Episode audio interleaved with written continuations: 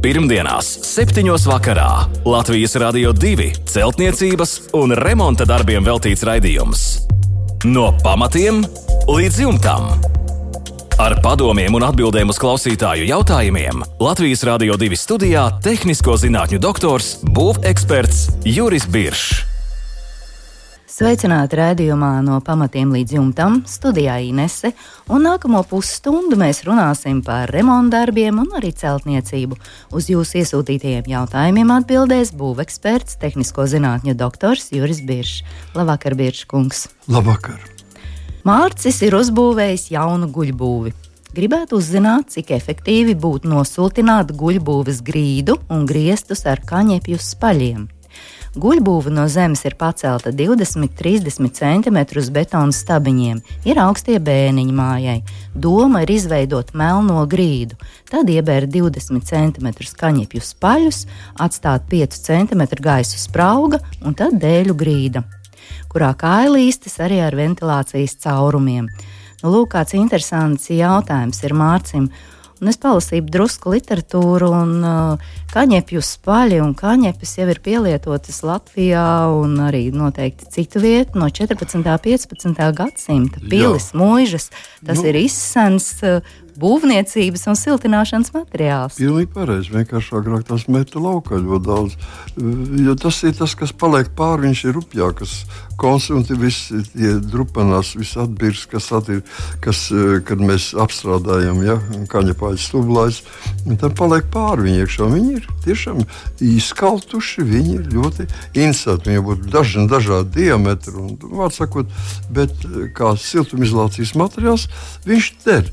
Īpaši, ja vēl pielie, ja pielietojam teiksim, betona sastāvos, kaņepī betons. Jā, nu, teiksim, kaņepī betons ir tā saucamais arbolīta betona paveids. Vienalga, ko mēs liekam kaut kādu lauksaimniecības uh, augu. Stublājs liekam iekšā betonā. Bet šajā gadījumā runa iet par kaņepju spaļiem. Jā. Un tā tad tikai nevajadzētu aizrauties, un mācīm vajadzētu saprast, ka tas nav īpaši efektīvs. Ja?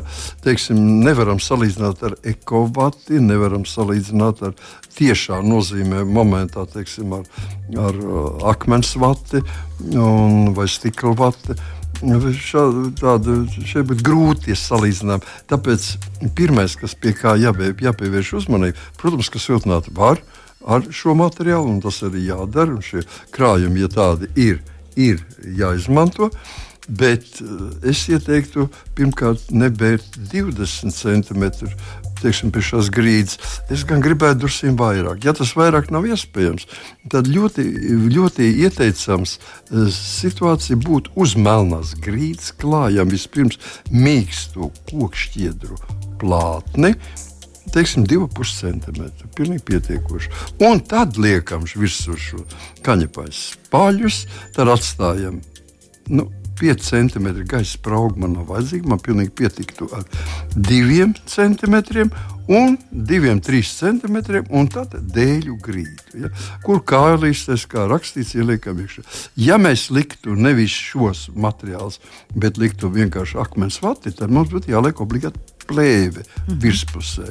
Ja, Tūlītās aiz virs, eh, lai, lai no istabas siltais mitrais gaiss ne, neievadītu mitrumu iekšā. Bet šeit tas ir koka bāzes, tas ir uz augu produktu bāzes, kas neveido tādu nu, tā sakot, kondensātu vietā, lai būtu iztecēta reāls ūdens. Viņš uzsūcās šajā materiālā un žūst.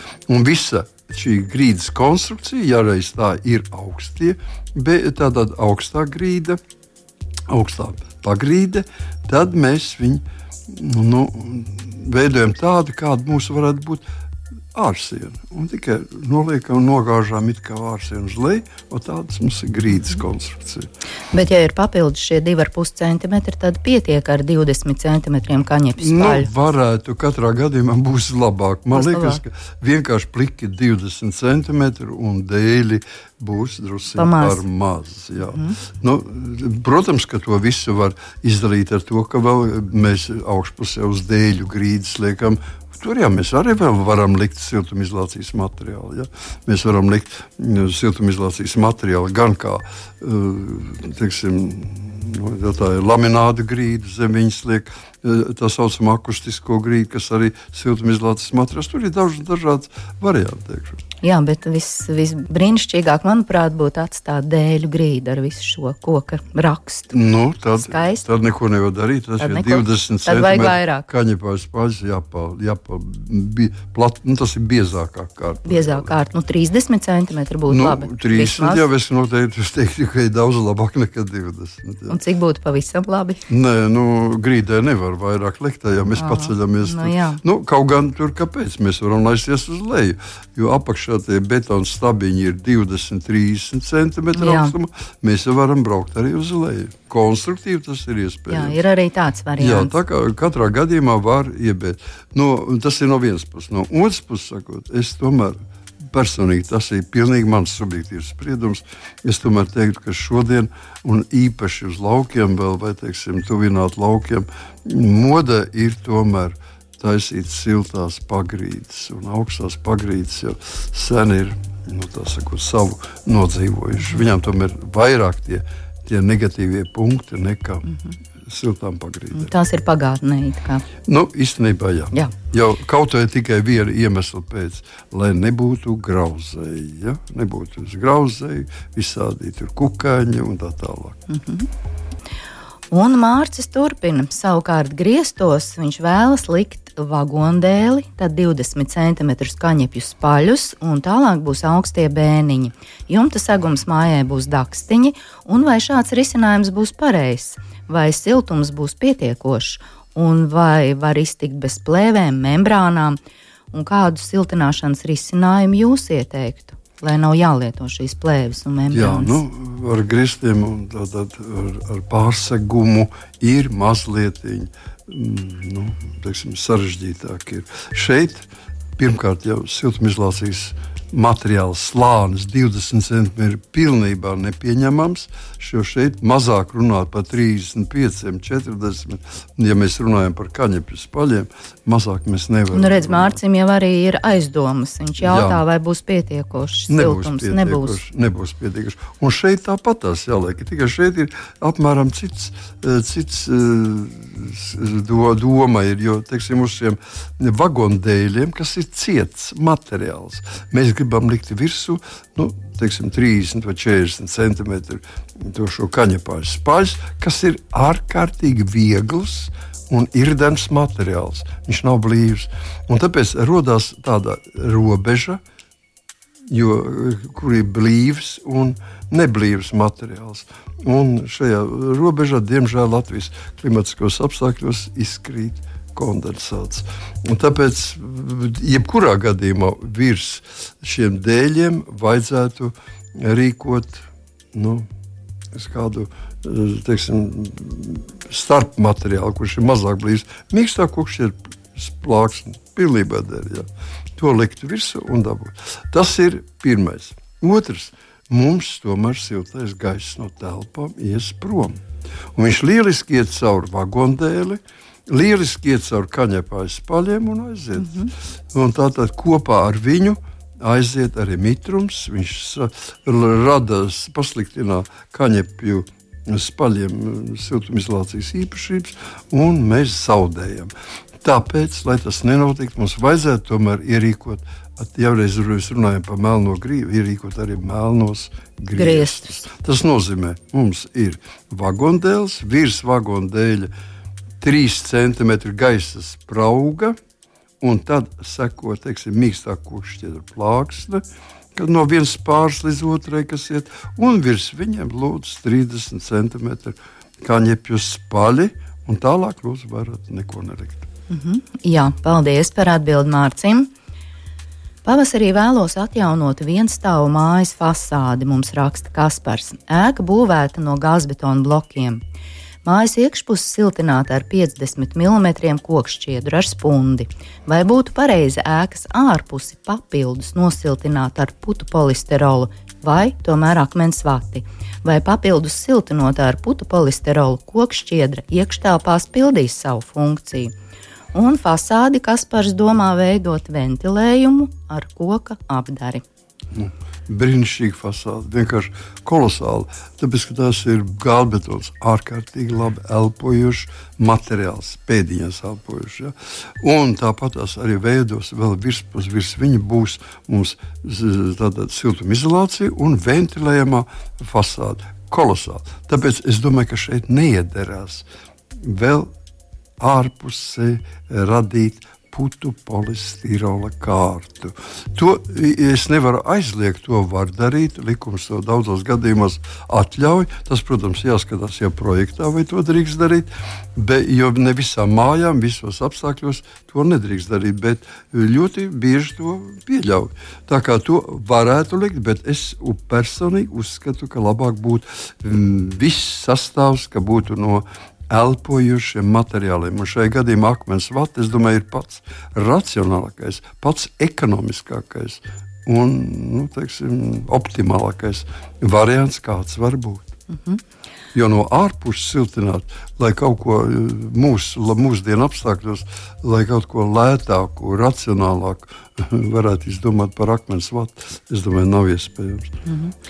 Nu, raugi, arī uh, Kasparam darbojas intuīcija, tāpat kā Mārcim. Arī jautājums bija, vai nu vai nu, ka tomēr ir šaubas. Jā, jā. Nu, ir šaubas, bet šaubas ir arī mazliet. Es tomēr visiem latviešu cilvēkiem ļoti censtos, un, lai viņi piemācās mazliet būvfiziku. Tie būvfizika mums visai kā nācijai vienkārši klibo mazliet. Jo, redziet, viņš raksta, raksta par to, ka vai papildus siltināt ar putekļu stilo, kokšķiedra iekšāpās, pildīs savas funkcijas. Kokšķiedra pildīs vienmēr savu funkciju. No tā nekas neizmainās. Viņa laidīs cauri zināmu daudzumu siltumu, zināmu daudzumu mitrumu, kur uzņems sevi iesūksies viņš un tad, tā, ejot šai plūsmai uz ārpusi, viņš lēnām izžūs. Neradīsies nekāda mitruma kon, kon, koncentrāta. Toties, ja mēs ieliksim to putekļu polistirolu iekšā, tad bez šaubām, ka mitrums uzturēsies šajā sienas pusē, kas atrodas iekšpusē, daudz, daudz ilgāk. Mm -hmm. Un vēl Kasparam ir jautājums par uh, lentveida pamatu siltināšanu. Izmantošu 50 mm ekstrudēto putu polisterolu, ko domāju līmēt ar putu līmi. Un vai obligāti nepieciešams pirms siltināšanas pamatus apstrādāt ar hidroizolāciju? un vai siltināmais materiāls ir jālīmē līdz mūrim vai nedaudz virs, nosedzot pamatu daļu un gāzbetona sienas savienojumu. Jā, ir tāda Jā, tipiski, tradicionāli jautājumi. Bet ļoti pareizi un vienmēr, es teiktu, vienmēr mēs viņus mēģināsim izskaidrot, jo šī būvfizikas pamati ir ļoti kaut kā mums iesāpējušies. Un tātad pirmā kārtām atbilde ļoti vienkārša. Ja, lai kas, kas par, es, cik es saprotu, viņš e, runā par putu polistirolu un par hidroizolāciju no ārpuses. Jautājums ir, kāpēc ne no iekšpuses? Ko? Vai, vai pamatiem apakšā mēs liekam siltumizolāciju? Neliekam. Vai otrā pusē mēs liekam hidroizolāciju, teiksim, smēriem ar melu? Nesmērējam. Mēs smērējam no priekšpuses un domājam, ka ūdens noteikti nāks no šīs puses un ies tur iekšā. Nē, viņš ies no otras puses, kur nav iekšā. Tāpēc smērēt un siltināt pamatus no priekšpuses. Nu, ja jums nauda nav kur likt, var jau izlīmēt arī ar naudas zīmēm šo lietu es uzskatu, ka tas nav pamatoti. Ja? Pamatoti. Tomēr ir viss, ir viss jebkurš būvmateriāls, ir jāpamato. Ja jums ir pagrabi, tad arī tad es no ārpuses neieteiktu jums likt hidroizolāciju, bet likt vertikālu drenāžu un no iekšpuses ar plānu siltumizolācijas materiāla kārtiņu atdalīties. Mums būs normāli pamati. Mēs netaisām tur karstēšanas telpas. Ja? Mēs taisām vienkārši pamats. Un tas ir atvainojums pagrabs. Un, ja mēs tāpēc, teiksim, nu, es personīgi uzskatu, ka šajā gadījumā Kasparam vajadzētu vienkārši siltināt nevis visus pamatus, bet tikai pamatu daļu, ko mēs saucam par cokoli, ja? kas ir virs zemes. Un zem, zem, zem grunts mēs nu, desmit centimetri. Es uzskatu, tas ir lieliski. Ceļam uz augšu, tālāk mēs siltinām, siltinām, ejam uz augšu, un tagad atbildam uz kas par otru jautājumu. Jā. Cik augstu? Līdz mūrim? Nē mēs līdz horizontālai hidroizolācijai. Melna strīpa, horizontālā hidroizolācija, ko veido bitumena mastika, ruberoids. Bitumena mastika un vēlreiz ruberoids. Ja? Un viņš iz, iz, izpaužās kā tāda melna strīpa. Mēs nedrīkstam nosegt šo strīpu. Šī strīpa ir mājas plaušas, caur kurām māja pati par sevi atbrīvojas no mitruma, bez elektrības, bez mūsu gribas un tā tālāk. Tātad, ja mēs gribam noslēgt to un dzīvot tikai rekuperācijas režīmā, tad mēs varam neievērot to. Bet tad mēs visus mitrumus tīšām dzīsim iekšā telpā. Ja mēs gribam, lai māja pat atbrīvojas no mitra, mums ir jāstāj brīvi. Tātad neaizsadzot šo melno strīpu. No augšas atkal neaizsadzot šo strīpu, mēs veidojam siltinājumu, kuru veido cokola profils. Kuram ir apakšējā tāda cokola profils, ir alumīnija U-veida profils, kuram apakšējā mm, plaknē ir trīs rindas ar perforāciju. Un tad uz viņa mēs liekam siltumizolāciju virsmu kur ir pie, uh mhm. -huh. pielīmēta un pie, piedībeļota pie sienas. Tātad tā melnā strīpa paliek brīva. Nevajag iedomāties, ka viņi ir pilnīgi centimetriem brīvi. Tur ir nu, teiksim, naža, naža biezumā šī, šī vieta, bet gaisam ar to pietiek. Un mājas plaušas elpo. Mājas plaušas elpo, mēs atdodam mitrumu un, un ietērē, netērējam naudu, iekonomējam un mums ir labi. Mm -hmm. Jā, paldies par atbildi Kasparam. Pirmdienās, 7. vakarā Latvijas Rādio 2 celtniecības un remonta darbiem veltīts raidījums. No pamatiem līdz jumtam. Ar padomiem un atbildēm uz klausītāju jautājumiem Latvijas Rādio 2 studijā - tehnisko zinātņu doktors, būveksperts Juris Biršs. Nākamā mums ir Jāņa vēstule. Ir veca guļbūve, izlauzām koka dēļu grīdu, jo tie bija jāmaina. Pagrīdi ir ventilējama, tur ir smiltis. Ir betonēti stabiņi sijām. Domājam, uz sijām likt divās kārtās 22 mm OSB, pēc tam laminātu. Grīdu nav paredzēts siltināt, jo domājam siltināt pamatus no ārpuses. Vai šāda konstrukcija ir pareiza, jautā Jānis, vai tomēr uz sijām jāliek plēve, lai kondensāts neiet uz augšu? Un vai ventilācija ziemā jāatstāj vaļā, lai viss elpotu? Un ko vēl labāk būtu likt starp OSB un laminātu? Daudz jautājumu. Daudz jautājumu, jā, ļoti daudz. Bet eh, es gribētu uzreiz Jānis mazliet brīdināt kad uh, pamati, lai kādi arī mēs nesiltinātu pamatus, tas nozīmē cokola daļu un atstātu augsto pagrīdi. Ja mēs to atstājam augsto pagrīdi, tad mēs pamats varam siltināt kaut metru biezumā, no tā grīda netiks iespaidot. Jo Ko nozīmē augstā pagrīde, ventilējamā pagrīde? Tātad iet gaiss iekšā, viņš iet mm -hmm. šajā pagrīdē un nāk atkal no pagrīdes. Jā. jā, tas ir nu, teiksim, nu, ārā gaiss ar visiem mīnusgrādiem, kādi ir. Un, ja mēs pie šādas ja šādam temperatūram atstāsim tikai 22 mm OSB, vēlreiz 22 mm OSB, un tad pa virsmu lamināt, mēs vienkārši nosalsim. Jebkurā gadījumā, teiksim, ja mēs ar zeķītēm paiesim, kājas būs augstas kā ledus. Tātad tas nozīmē, ka ja mēs gribam saglabāt šo savu augsto pagrīdi, Ziemas laikā viņu piesēdz un praktiski aiztaisa ciet gandrīz. Gandrīz, nu, teiksim, ļoti ar siltumizolācijas materiālu aizbāž tā, ka tur gaisa iet ļoti nelielā daudzumā. Vasarā viņš ir pilnībā vaļā. Bet neskatoties uz to, apakšā būs mīnus grādi.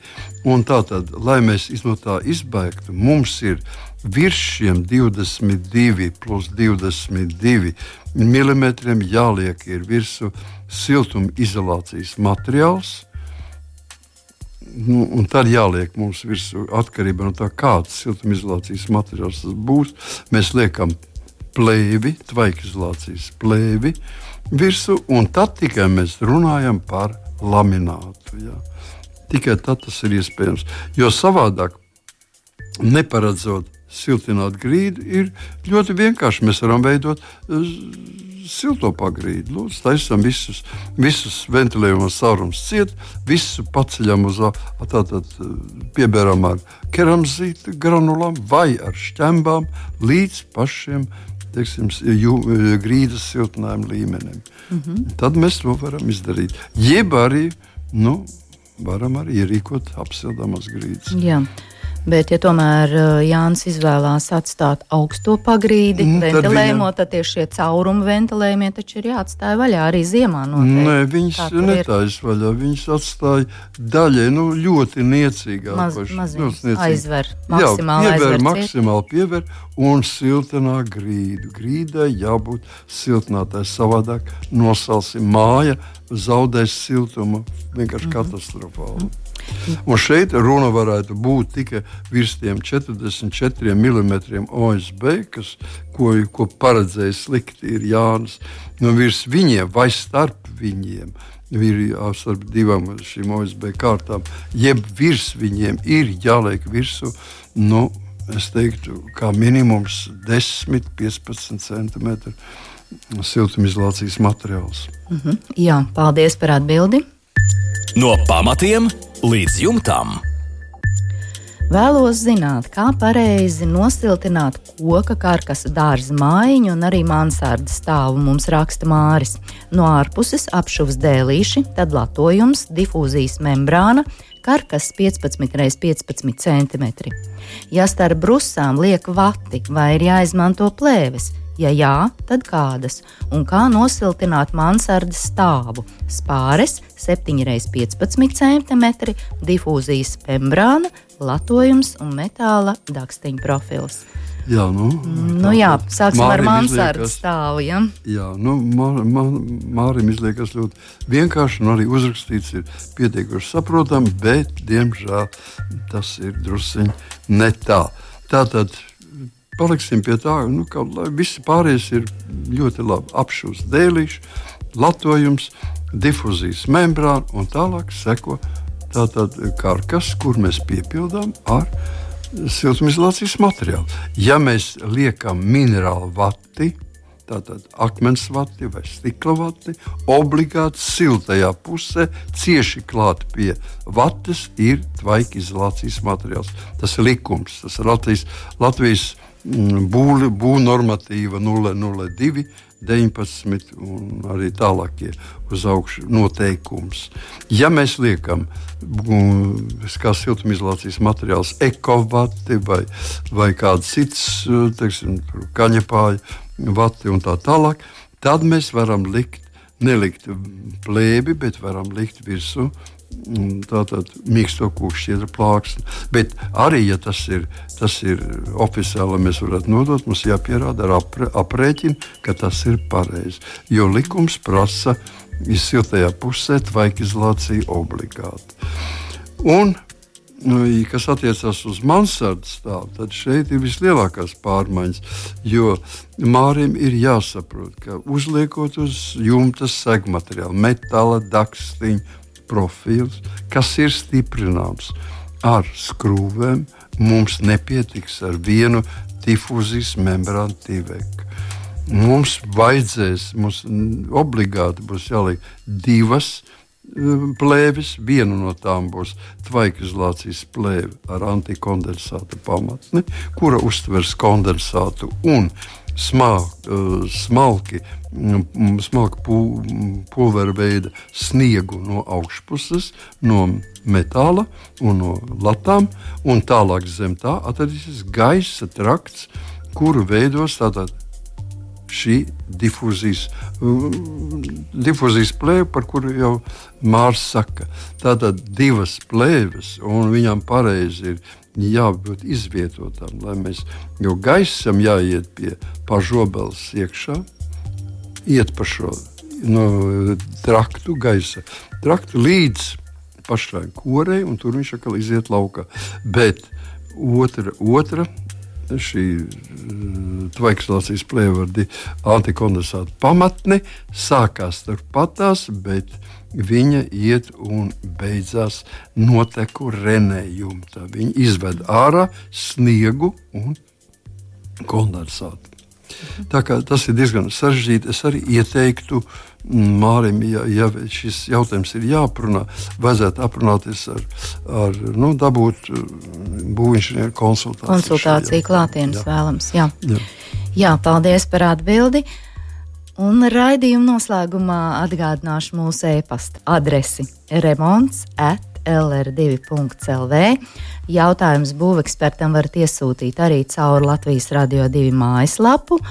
Esam arī populārākajās raidierakstu straumēšanas vietnēs. Noteikti tiksimies jau pēc nedēļas. Šovakar paldies visiem par kopā būšanu, lai jauks izdevies vakars! Visu labu!